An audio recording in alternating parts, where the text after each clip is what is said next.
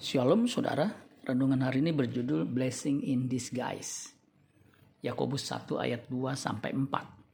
Saudara-saudaraku anggaplah sebagai suatu kebahagiaan apabila kamu jatuh ke dalam berbagai-bagai pencobaan.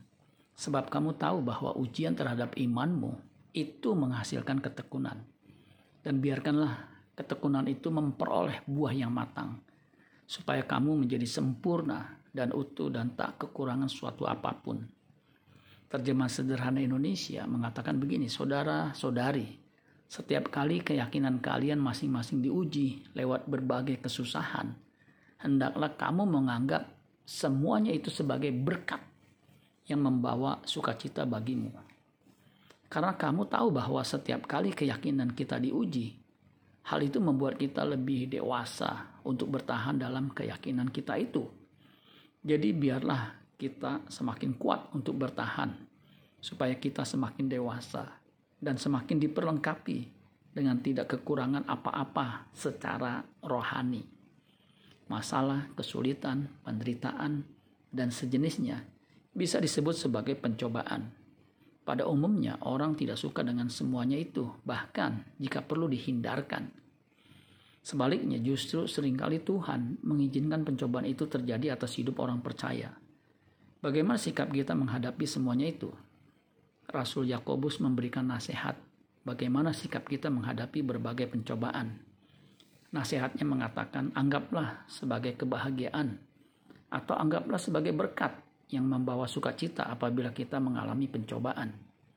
Sesungguhnya semua pencobaan adalah berkat tersembunyi, blessings in disguise Pencobaan itu justru membuat karakter kita makin matang dan dewasa seperti Kristus. Kok bisa?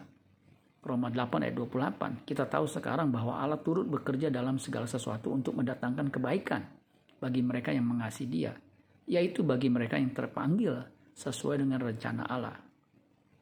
Allah bisa memakai kesulitan dan penderitaan yang kita alami untuk mendatangkan kebaikan sepanjang kita mengasihi Tuhan. Kebaikan apa yang ingin Allah kehendaki dalam hidup orang percaya? Menjadi serupa dengan Kristus, itulah kebaikan tertinggi, sumum bonum, yang Allah kehendaki, yang akhirnya membuat kita dimuliakan bersama dengan Kristus.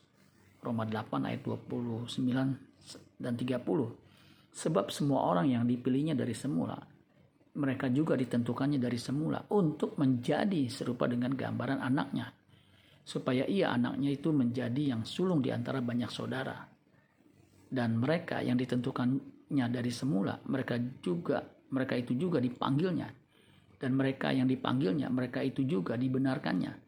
Dan mereka yang dibenarkannya, mereka itu juga dimuliakannya. Terjemahan sederhana Indonesia mengatakan begini, karena sejak semula Allah sudah mengenal dan mengasihi kita. Dan dia berencana supaya kita menjadi serupa dengan anaknya. Dan rencananya juga supaya Yesus menjadi anak sulung di antara banyak saudara-saudari. Kita sudah masuk ke dalam rencana Allah dari sejak awal. Lalu kita dipanggil menjadi anggota keluarganya. Dan melalui pekerjaan Kristus kita dibenarkan dalam pandangannya. Dan akhirnya kita akan menikmati kemuliaannya. Jadi anggaplah berkat jika Anda mengalami pencobaan. Amin buat firman Tuhan. Tuhan Yesus memberkati. Sola Gracia.